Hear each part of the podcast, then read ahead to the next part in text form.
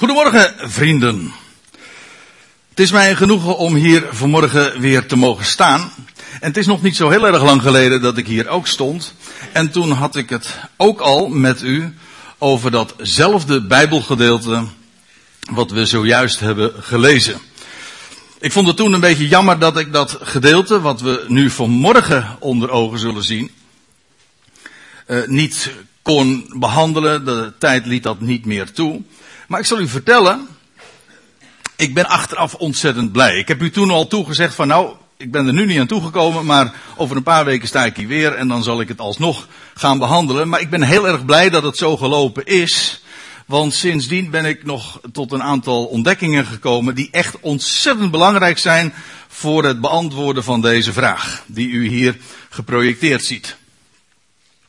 Is David gek geworden? Ja. Nou, voordat we die vraag gaan beantwoorden, zo in de loop van dit ruime halve uur, wil ik eerst eens u meenemen naar het begin van, deze, van dit gedeelte. We lezen dan in vers 10, het zijn maar een paar versen die we vanmorgen onder ogen zullen zien, dat wil zeggen uit 1 Samuel 21. Daar staat er in dat tiende vers van dat hoofdstuk, daarop maakte David zich op, wat in het Nederlands altijd een beetje vreemd klinkt natuurlijk. Want dan denk je, staat hij dan voor de spiegel? Hè? Maar dat is natuurlijk niet het idee. Hij maakte zich gereed en hij vluchtte die dag van Zal weg. En dit gedeelte wordt daarmee gekoppeld aan het voorgaande wat we de vorige keer hebben behandeld. En dat ging toen over David, die op de vlucht was voor koning Zal de gezalfde koning, maar hij werd niet erkend en hij, zijn, zijn leven was niet zeker. En David ging vanwege honger naar de priester toen. En hij is het heiligdom ingegaan. Ik ga dat nu allemaal niet meer behandelen, want dat heb ik toen gedaan. Maar hij had van de toonbroden gegeten. Voor zijn manschappen heeft hij toen de toonbroden uit het heiligdom uh, genomen. En aan zijn manschappen gegeven, wat absoluut niet mocht. Dat wil zeggen, hij was geen priester en dat was hem dus ook, uh, dat kwam hem niet toe om daarvan te eten. Maar dat was die dag. Het was trouwens ook de dag waarvan we lezen dat hij van de priester het zwaard van Goliath had gekregen. Die daar als een trofee in het heiligdom bij de, bij de lag.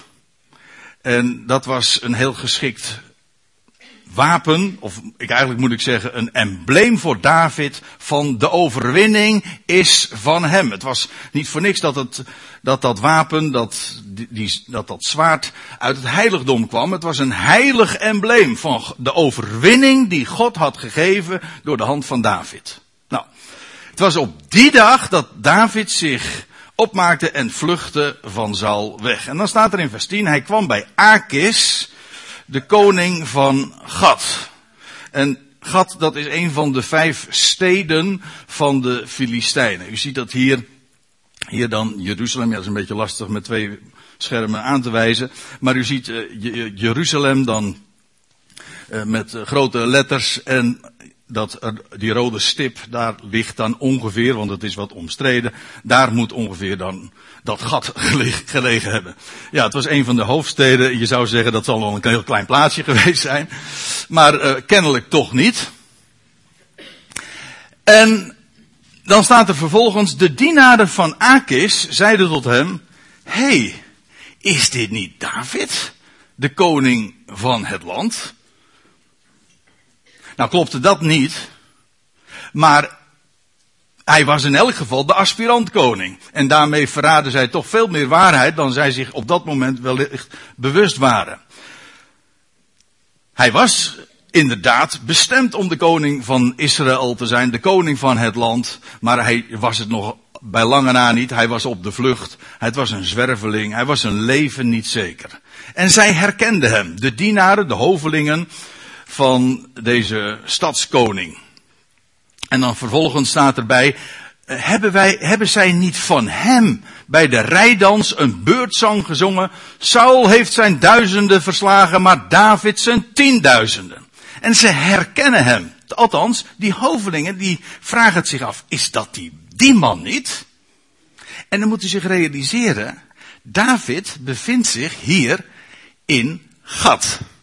Maar wie kwam er uit Gat? Dat was Goliath. Waarmee dus gezegd is dat David hier op uiterst gevaarlijk terrein was. Sowieso, het was in, hij bevond zich in een Filistijnse stad. Maar uitgerekend ook nog eens een keertje de stad waar hij ooit, um, waar, waar ooit uh, Goliath vandaan kwam en die hij had verslagen. De beurtzang waar ze hier aan refereren, dat was dat overwinningslied wat is, de Israëlieten hadden gezongen. Juist op hun overwinning op die man uit Gat. Hun grote, letterlijk en figuurlijk, hun grote held. Maar die verslagen was. En nou was uitgerekend deze David in hun poorten gekomen. David bevond zich dus op uiterst gevaarlijk terrein in het hol van de leeuw. En dan lees je ook, David sloeg acht op deze woorden. Als je het wat beter in de grondtekst bekijkt, dan staat er letterlijk, hij plaatste deze woorden in zijn hart. Hij nam ze ter harte. Hij overwoog, wauw, op wat voor terrein ben ik nu terechtgekomen? En wellicht heeft hij zich ook niet gerealiseerd dat hij herkend zou worden.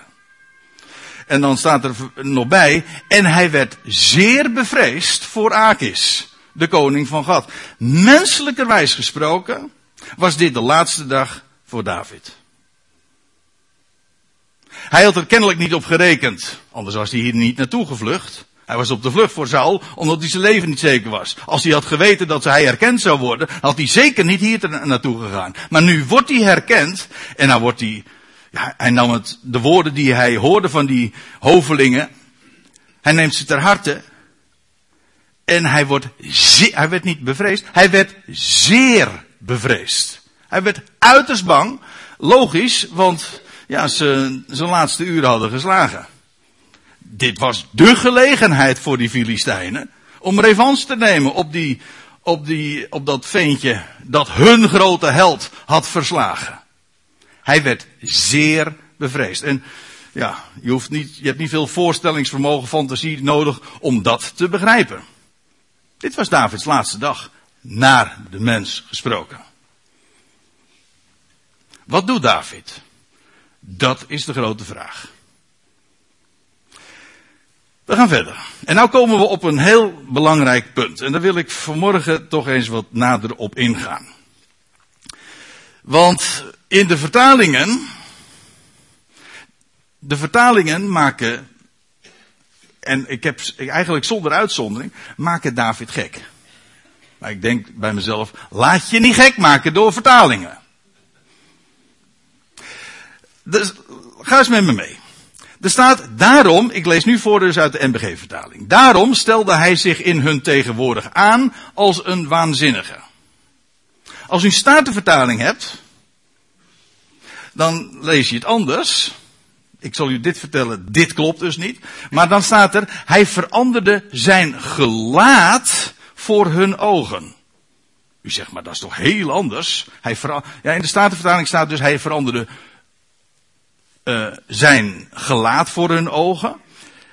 En als u nou de kanttekeningen op de Statenvertaling naleest, en dat is soms heel frappant, dat is heel leuk, dat is al eeuwen oud, maar toen de Statenvertaling gemaakt is, toen, toen is daar ook besloten dat daar kanttekeningen bij de vertaling geleverd zouden worden, zodat men soms toelichting zou geven op de vertaling. Dat men bijvoorbeeld afwijkt van de letterlijke weergave en dat men vanwege om idiomatische redenen het toch iets anders weergeeft. Kortom, gewoon een toelichting en de bonnetjes bij de weergave die, waarvoor zij hebben gekozen. In de Statenvertaling staat er dan bij, staat er dus altijd weergegeven. Uh, hij veranderde zijn gelaat voor hun ogen en dan staat er in de kanttekening bij, tot een paar keer aan toe, ook in de psalmen wordt dat nog een keertje herhaald. Letterlijk staat er niet gelaat, maar smaak.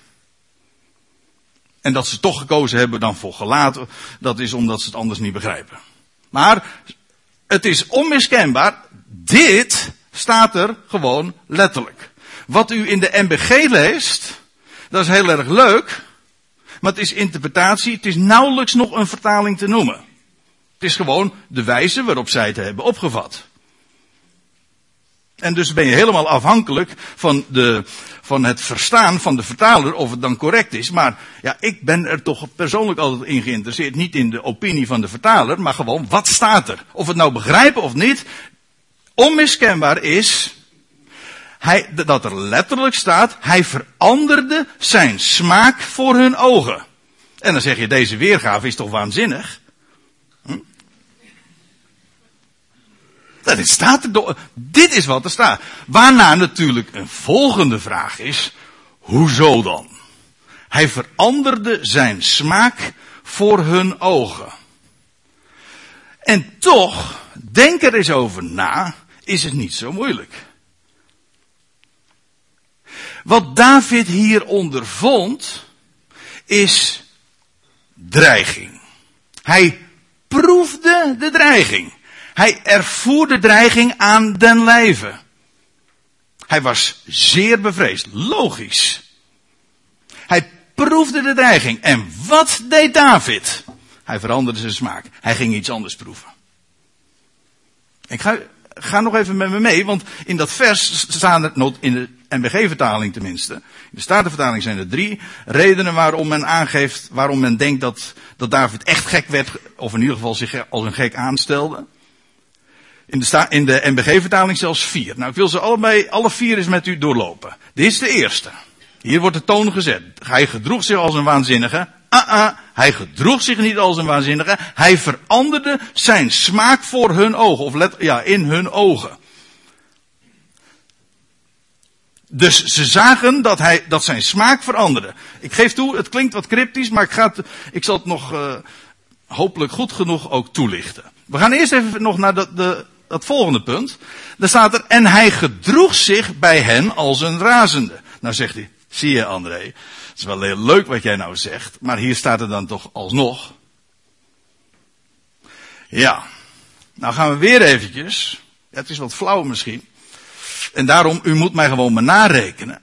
Dat daar, ik, ik, wat ik u nu hier vertel, dat zeg ik niet van, zo is het. Ja, ik geloof er wel heilig in, anders zou ik het niet vertellen natuurlijk. Ik ga u niet belasten met mijn opinie. En dat is in ieder geval niet mijn opzet, maar ik ga er wel van uit dat u dit ook natrekt en dat u zegt van, is dat zo? Maar goed, hij gedroeg zich als een razende, zegt de vertaling dan. Maar letterlijk staat er, hij maakte zich een prijzer in hun hand. Nou, dat in hun hand, dat is duidelijk, ze, ze hebben hem gewoon gegrepen. Ze hebben hem in de kladden gepakt. En dan staat er, hij gedroeg zich als een razende. Maar ik vertel u, er staat hier gewoon, hij maakte zich een prijzer in hun hand. Weet u wat hier staat? Hier staat het Hebreeuwse woord halal. Halal. Dat is ook nog een Arabisch woord, maar daar hebben we het nu even niet over. Maar het Hebreeuwse woord halal, en dat is internationaal bekend. Wat halal betekent. Want we kennen het allemaal. Halleluja. Dat is dat woord. Halleluja betekent dan looft of prijst of roemt de Heere. Dat ja, dat slaat dan op de naam van God. Maar dat eerste deel, dat slaat, dat verwijst naar dat werkwoord loven, prijzen. Dat is het woord. Het komt als ik me niet vergis, 165 keer voor in de Hebreeuwse Bijbel. En vrijwel altijd wordt halal weergegeven met prijzen, loven. In de psalmen wemelt het ervan. Van de keren dat dit werkwoord gebruikt wordt. Dus, nemen we dat eventjes als leidraad. Hij veranderde zijn smaak en hij uh, maakte zich een prijzer in hun hand. Hoezo? Een prijs. Ging die loven? Dan zeggen ja zeker. En dat verzin ik niet. Er zijn nota bene twee bijbelhoofdstukken die gaan over deze gelegenheid. Want dit zijn maar vijf versjes in 1 Samuel 21. Maar we hebben in de psalmen twee hoofdstukken, twee psalmen dus, die over deze gebeurtenis gaan. Psalm 34, Psalm 56. En die geven ons toelichting wat David toen deed. Uit eerste hand. Dat wil zeggen, David zelf geeft commentaar over wat hij toen gedaan heeft. De vertalers zijn naar de Filistijnen gegaan. Voor een oordeel wat er gebeurd is. Ja, want die, die Filistijnse koning, die dacht dat hij Mesjogge was geworden, maar daarover straks meer. Maar hij, wat David deed, hij werd een prijzer. Kijk, ik ga eens met u mee naar, eh, naar Psalm 34.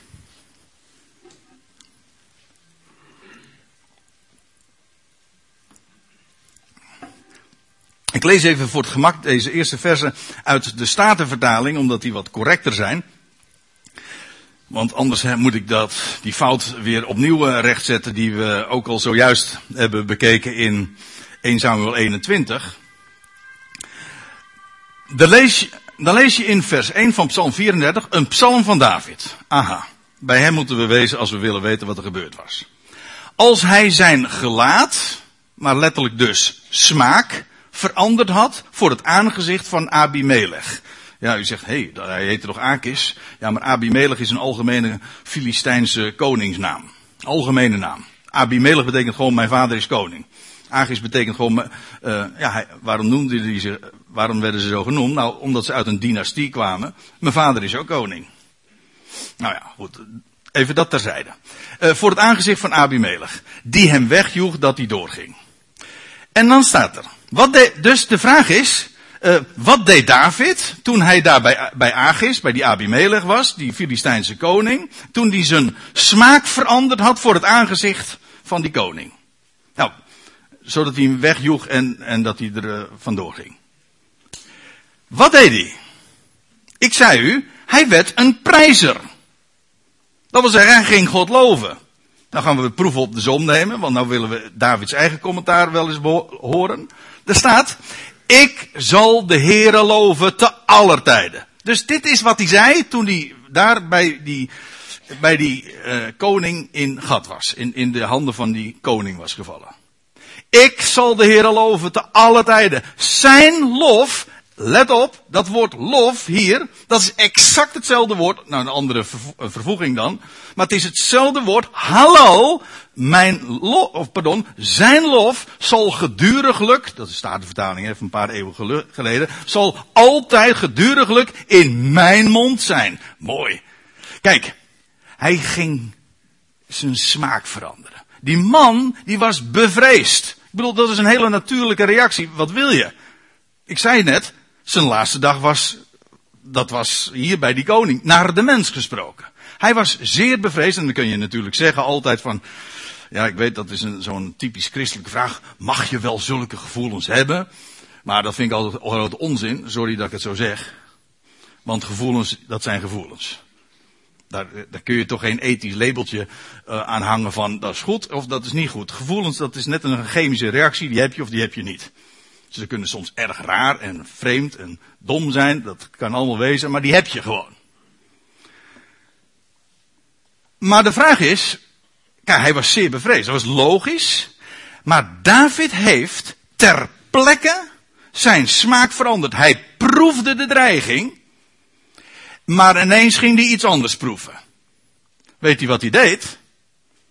Hij ging Gods lof, zijn halal, in zijn mond nemen. Kijk, dan, heb, dan ga je iets anders proeven. Wat David zich op dat moment verander, ge, uh, gerealiseerd heeft. Hij, veranderde zijn smaak. Hij had de natuurlijke beproeving, als ik dat woord mag, uh, mag gebruiken. Hij proefde de dreiging en nou ineens realiseerde zich. Wacht even. Ik ben de gezalfde koning. God heeft mij gesteld tot koning over Israël. En al zie ik er nog niks van. Zijn beloften zijn op mij. En toen hij zich bewust werd van Gods beloften die op hem rusten. Ja, toen dacht ik, maar wacht even. Wat kan mij overkomen? Ik, en ik neem u gewoon mee. Want dit is dan het tweede vers van Psalm 34. Bij die gelegenheid, dit heeft David gezegd, hè? Toen, bij die gelegenheid. Hij werd een prijzer in Gods. Hij werd een prijzer in hun handen. Hij ging God loven. En dan lees je nog even verder in vers 9. Ditzelfde, dezezelfde psalm. Smaakt. Hier, hetzelfde woord als in 1 Samuel 21 vers 13 waar dat staat. Ja, de, de vertalers hebben er dus van gemaakt dat hij een waanzinnige werd. Maar dit is wat er staat. Zijn smaak. Hij zegt smaakt. En ziet dat de Heere goed is. Welzalig de man die bij hem schuilt. Daar was hij zelf bij. Hij, hij beschouwde zichzelf als gelukkig. Gelukkig de man die bij hem schuilt. Want nou is hij in, in, in, in vijandige handen. Naar de mens gesproken, zijn laatste dag. Hij zou gedood worden. En ineens dacht hij, wacht even. Maar Gods belofte is op mij. En weet je wat ik doe? Ik neem zijn lof in mijn mond. Als je dan bevreesd bent, ja, wat neem je dan in de mond? Ja, daar kun je van alles bij bedenken. Maar ik heb een heel goed advies hoor. Neem zijn lof in je mond. Ben je bewust van wat hij over jou gezegd heeft. En toen ineens veranderde alles. Toen veranderde ook zijn gelaat. Daar ben ik vast van overtuigd. Die man die ging stralen. Staat trouwens ook in deze psalm. Maar goed, dat bewijs heb ik nog uh, niet eens erbij genomen. Maar ergens in de, deze psalm lees je ook van, hij straalde. Smaakt en ziet dat de Heere goed is. Welzalig de man die bij hem schuilt. Nou ga ik u nog even meenemen naar die andere psalm waar ik zojuist al over had. Er zijn twee psalmen naar aanleiding van deze gebeurtenis. Psalm 34, die hadden we zojuist onder ogen. En dan vervolgens psalm 56. Daar lees je van David, een kleinoot. Wanneer? Wanneer heeft hij dit uitgesproken? Wanneer heeft hij dit gezongen? Een, het is een kleinoot. Toen de Filistijnen te God hem gegrepen hadden. Alsjeblieft. Het zijn maar vijf versen in 1 Samuel 21. Maar we hebben twee lange, nou, niet overdrijven, maar het zijn twee flinke hoofdstukken in, de, in het boek der psalmen, die toelichting geven, uitgerekend op deze gebeurtenis. En de vertalers die maken ervan dat het een waanzinnige was. Nou, wat ik weet, op als Davids eigen commentaar, dat is dat hij God geprezen en geloofd heeft. Een geweldige man. Niet een man die zich als een gek gedroeg, Nee, een man die op grote hoogte stond en zich bewust was van wat God bij macht is te doen. Nou, wat zegt hij? Toen de, wat heeft hij gesproken toen de Filistijnen te God hem gegrepen hadden? Hij zegt, wees mij genadig, o God, want de mensen vertrappen mij. Ja, wat wil je? Daar in Gat, die stad van Goliath. En dan staat er, ten dagen dat ik vrees, nou dat deed hij zeer. Dit was de dag dat hij zo bevreesd was. Zeer bevreesd. Ten dagen dat ik vrees, vers 4. Vertrouw ik op u. Hij veranderde zijn smaak. Hij ging iets anders proeven. Gods belofte. Dat nam hij in de mond. Letterlijk in de mond, want hij ging prijzen. En weet u wat, er staat, er staat nog iets bij. Op God, wiens woord ik prijs. God had zijn woord aan hem gegeven. God had zijn belofte aan hem gegeven. En natuurlijk, het is heel menselijk dat hij dan in eerste instantie zeer bevreesd was. Jawel, dat is allemaal, dat allemaal tot je dienst hoor. En er kan van alles gebeuren. Dat zeg ik ook in het algemeen. Er kan zoveel reden zijn om zeer bevreesd te zijn. Om de, de, de dreiging die op je afkomt.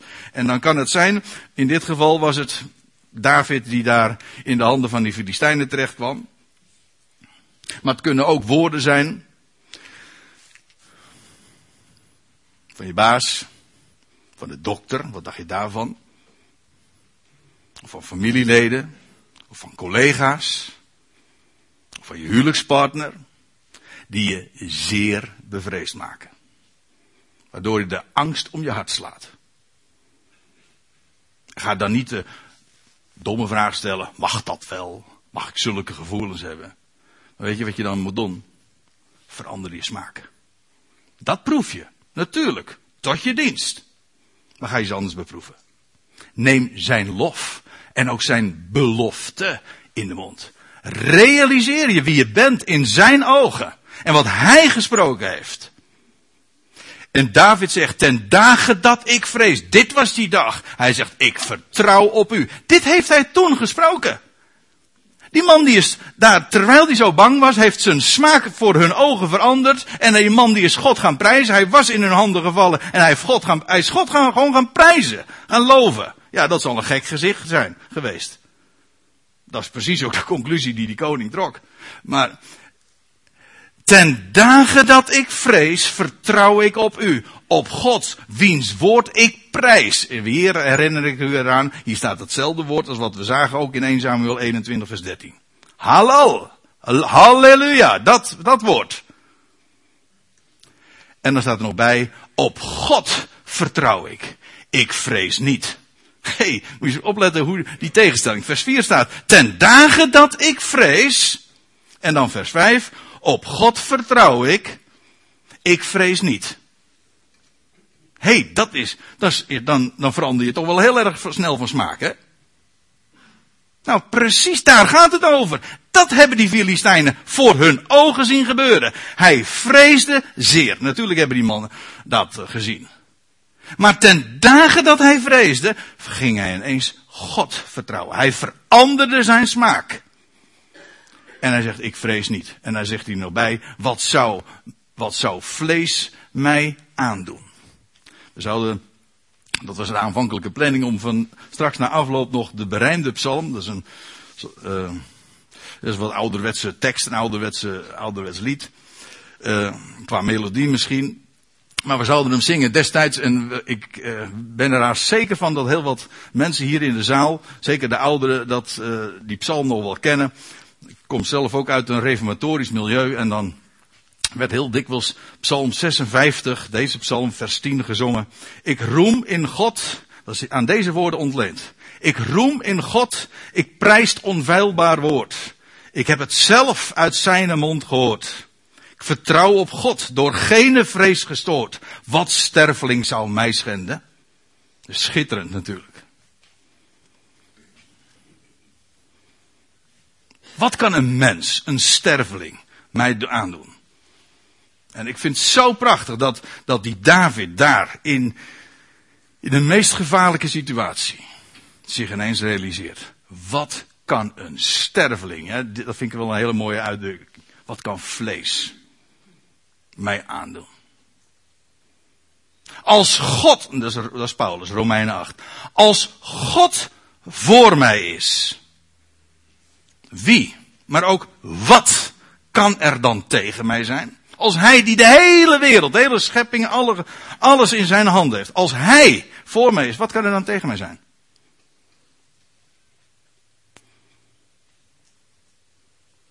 Nou, het antwoord is niks. Ja, ogenschijnlijk misschien wel, maar er kan niks tegen je zijn. Vandaar ook dat datzelfde Romeinen 8 zegt, alles leidt dus gewoon, alles is, werkt toch in je voordeel. Hij doet al die dingen, alles wat er gebeurt, hij doet het alleen maar meewerken ten goede. Kortom, het is inderdaad alleen maar in je voordeel. Al die minnen, pleeg ik graag te zeggen, al die minnen die wij zien, dat zijn geen minnen hoor. Het zijn plussen. Ze zijn alleen nog niet af. Ja, dan zie je, ineens zie je nog die, het zijn diezelfde minnen. De omstandigheden zijn exact hetzelfde, maar je ziet het in ineens compleet ander perspectief. Dat is wat David toen onderging. Hij, hij veranderde zijn smaak. Ik vind het zo schitterend. Hij veranderde zijn smaak. Hij ging ineens staan op Gods belofte. Van de, menselijke positie, die zo natuurlijk, zo vanzelfsprekend, zo logisch is, waar je ook niks van moet zeggen, want niks menselijks is ons vreemd. De een is misschien wat meer een held dan de ander, maar ach, als het er echt om gaat spannen en als het echt gaat knijpen, zoals we dat dan zeggen, nou, mijn vader placht altijd te zeggen, het visje krimpt niet eerder dan wanneer het in de pan ligt. Dan uiteindelijk de grootste held en de man of de vrouw met, met de grootste mond. Dan doelde mijn vader uh, dan uh, meestal op het moment dat de mens te horen krijgt dat, ze, dat, het, dat het leven niet lang meer duurt. Nou, dat was voor David in dit geval ook zo. Nou, dan verdwijnen de praatjes wel. Dat is ook zo, dat is logisch.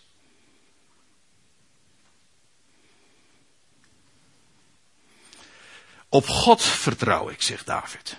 Ik vrees niet. Die tegenstelling. Hij zegt, wat zou vlees mij aandoen? Maar we moeten nog even verder. Want ik heb nog twee hobbels te nemen. Want u zegt, wacht eventjes. Want je hebt nog, de vertalers hebben nog twee pijlen op een boog. Waarmee ze aan willen geven, waarmee ze David de gek hebben gemaakt. Hij bekrabbelde de deurvleugels van de poort, staat er. Ook dat is weer een vertaling, maar een vertaling die gekleurd is door de interpretatie van wat zij, wat, van wat de vertalers dachten dat er aan de hand was. Er staat gewoon letterlijk in het Hebreeuws, hij tekende op de deuren van de poort. Hij markeerde of hij kerfde erop. Ja, als je denkt aan een waanzinnige, denk je aan krabbelen, maar dat is niet het woord wat hier staat. Zag gewoon, hij tekende. Als je gewoon tekent uh, weergeeft, dan is dat helemaal niet belachelijk of krankzinnig. Hij tekende, hij markeerde of hij kerfde. Als dit de weergave is, dan denk ik, ja, wat zou die, hij heeft in ieder geval, hij ging prijzen. Hij werd een prijzer in hun handen. Hij had de, de woorden van de psalm 34 en 56 had hij toen in de mond. Dat heeft hij gezongen, dat heeft hij gezegd. En wat zou hij dan, als hij dan getekend heeft daar op de, op de deuren van de poort, wat zou hij dan getekend hebben? Ja, nou, het staat er niet bij, dus u mag er zelf iets bij bedenken. Ik denk dan de woorden van die psalm. Maar ik zal u nou nog eens wat vertellen.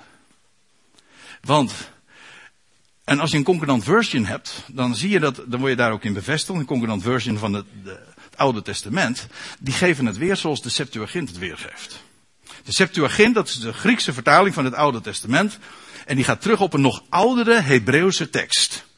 En de Septuagint zegt, hij trommelde. Hij trommelde op de poorten van de deur. We weten sowieso dat David erg muzikaal was. Hm? Maar we dachten altijd een snaarinstrument, dat klopt natuurlijk ook wel. Hij zong in ieder geval al heel veel. Hij componeerde, maar nu weten we ook nog iets anders. Want ik, ik opteer toch voor deze optie. Maar goed, maakt me niet zoveel uit. Maar ik vind wel logisch. Kijk, als die man nu, probeert je even voor te stellen wat er gebeurde. Die man, die wordt gegrepen. Hij is zeer bevreesd, maar hij verandert ter plekke in hun ogen van smaak. Hij neemt Gods woord in zijn mond. Hij wordt een prijzer in hun, in hun handen. Dat wil zeggen, hij gaat God prijzen. En uh, de weerslag daarvan hebben we ook nog in onze Bijbel. Psalm 34, Psalm 56, uitgebreid. We weten gewoon wat hij toen ter plekke daar gezegd heeft. En hij heeft zichzelf begeleid. Denk ik dan. Al trommelend. En maar goed, het kan zijn dat u zegt van ik vind toch de Hebreeuwse weergave waarschijnlijk prima. Maar ik heb ze nu beide genoemd.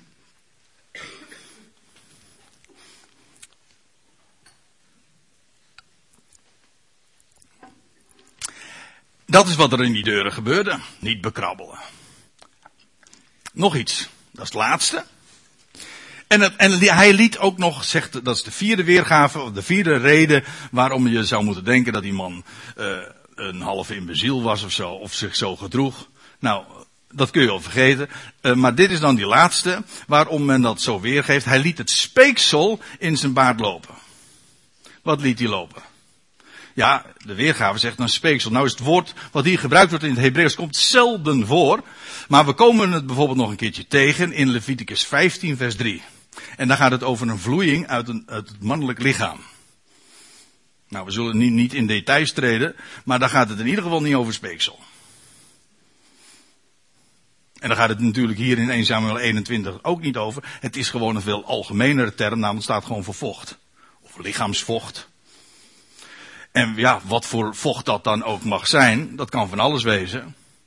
Maar ook hier worden we weer terzijde gestaan door de psalmen die David zelf heeft gecomponeerd. Wat gebeurde er? David was bij deze gelegenheid zeer geëmotioneerd. Nou, dat lijkt me wel duidelijk. De aanleiding was er genoeg voor. Maar we weten ook, en ga maar eens met me mee naar Psalm 64, pardon, Psalm 56. Daar staat in vers 9, mijn omzwerving, dat heeft hij toen dus bij deze gelegenheid gezongen, of gezegd. Mijn omzwerving hebt gij te boeks gesteld. Hij was inderdaad omzwervende. En dan zegt hij, doe mijn tranen in uw kruik.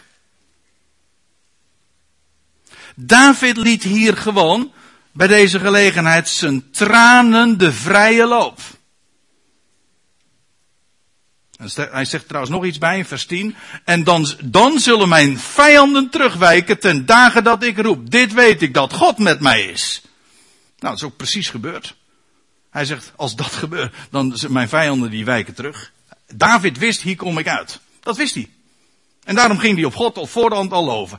Prachtig, als je er zo over nadenkt. Om zo in het leven te staan. Terwijl je zo'n dreiging hebt, terwijl het levensgevaarlijk is. Dat zegt van nee, kan me, er kan me niks gebeuren. God heeft beloofd. En dan kun je de ergste dingen aan. Ik moet meteen denken aan wat er ooit met David, met, met ooit Abraham gebeurde. Ken jij, David, ken jij Abraham? Hebben we net gezongen. Uh, die Abraham die ook zijn zoon moest offeren. Nou, Abraham die heeft gewoon gerekend. Nou, God heeft gezegd, uh, in Isaac, door Isaac zal men van uh, nageslag van u spreken. En als God zegt dat ik Isaac moet offeren, dan krijg ik hem gewoon weer terug.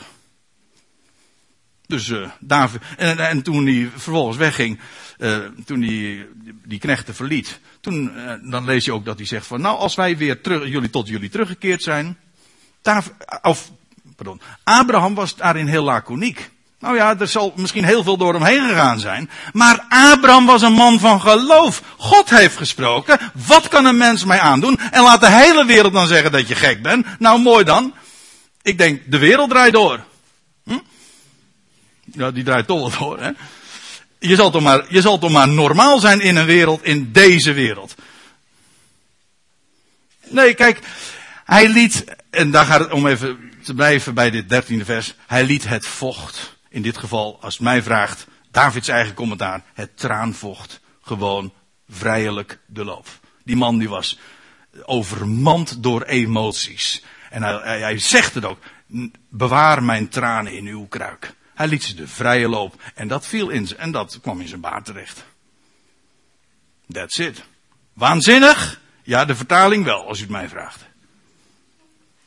Maar nou gaan we nog even verder, want ik moet echt opschieten. Toen zei de Akis tot zijn dienaren, zie, gij merkt toch dat, zie, gij merkt toch dat de, de man krankzinnig is. Kijk, die hovelingen die dachten, weet, dit is David joh. Komen ze vervolgens bij een vorst, en die, die, daar zien ze, die, die Akis, die ziet David daar trommelen en, en psalmen zingen, en, en prijzen in hun ogen.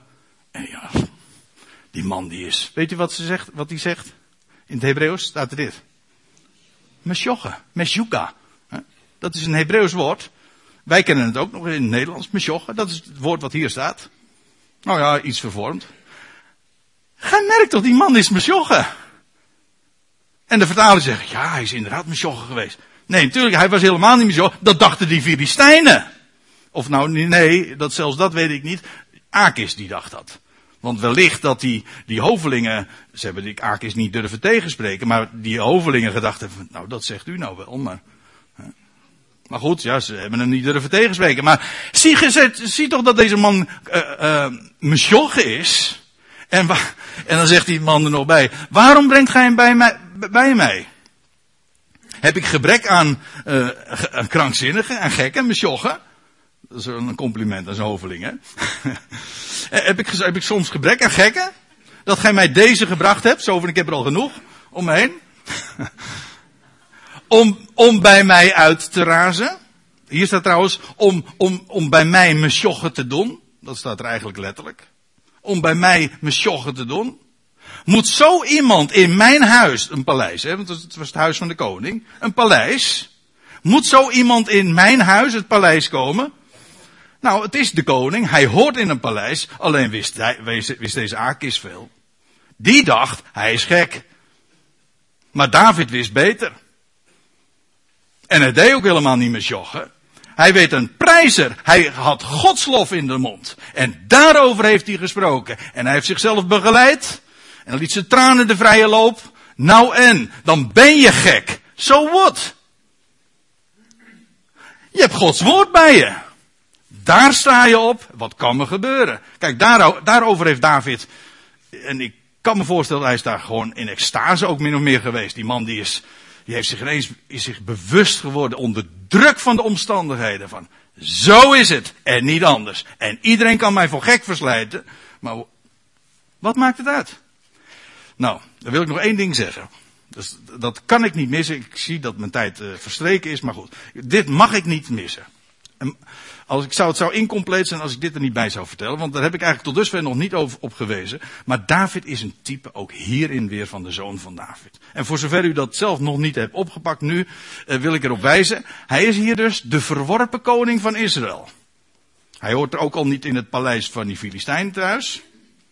Hij is de verworpen koning. Hij had, maar daar hadden we het de vorige keer over, een priesterlijke positie in het heiligdom. Dat is de positie. Het gaat hier over de tijd dat David wel gezalfd is. Ook al de overwinning had behaald. Op die man uit Gat, weet u wel. Die grote kerel. Het was nog de tijd voorafgaand aan zijn koningschap. Nou, de tijd dat hij verworpen is. Dat spreekt van de huidige tijd. Hij is gezalfd, hij is de overwinnaar, maar hij wordt nog niet zo erkend. Hij, zijn, van zijn heerschappij is nog niks te zien. Dat is deze tijd. En wat doet hij dan in deze tijd? Hij is als, hij is als de priester in het heiligdom. En hij voorziet zijn manschappen, degene die het inderdaad op hem, uh, op hem uh, uh, die in hem de koning zien. Die voorziet hij van brood uit het heiligdom. Dat was de vorige geschiedenis. En dan, wat doet hij als je hem ziet als onder de natie? Wel, hij prijst God onder de natie. Staat ook nog eens in de psalm. Ik zal uw naam prijzen onder de natie. Dat deed David hier. In het hol van de leeuw. En waar prijst hij God voor? Voor zijn uitredding uit de dood. Heel vaak lees je dat dat David dan zegt: U hebt mijn ziel gered uit het dodenrijk. Dan denk je, dat is gezwollen taal. Nou, uh, historisch klopt dat wel aardig hoor. Al is het inderdaad gezwollen taal, maar waarom is het gezwollen taal? Het is, dat is het niet, maar het lijkt zo. Het is profetisch. Het slaat op de zoon van David die daadwerkelijk gered is uit de dood. Niet bij wijze van spreken, maar letterlijk uit de dood gered is. Maar ja, hij wordt voor Mesjoggen verklaard een dwaas. En dan wil ik afsluiten met deze woorden uit 1 Korinthe 1. Daar zegt Paulus dit. Een gekruisigde Christus. Een iemand die aan een kruis is gestorven. Nou, dat is voor de Joden een aanstoot, letterlijk een struikelblok. Daar kunnen ze niet meer over weg. Dat voldoet niet aan hun Messiasbeeld. Een struikelblok voor de heidenen een dwaasheid. Weer inderdaad dat mesjogge. Dat is gewoon eh, stupid. Dat staat, zegt de, de, de Engelse vertaling. Het is gewoon gek. Je bent gek als je dat gelooft. Ja, maar zegt dan vers 24 van datzelfde 1 Korinthe 1. Maar voor hen die geroepen zijn. Die de roepstem hebben gehoord. Voor hen die geroepen zijn. Christus. Dat wil zeggen, de gezalfde. Dat is die. De kracht gods.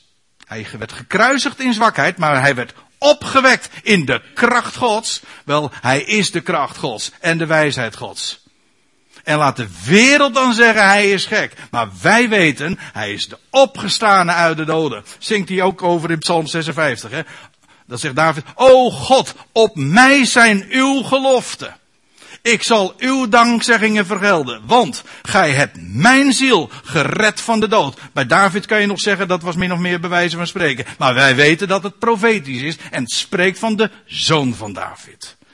En ik stel voor dat we daar dan ook uh, zelf een lied over zullen zingen. Over Jezus is Heer. Hij verrees uit de doden.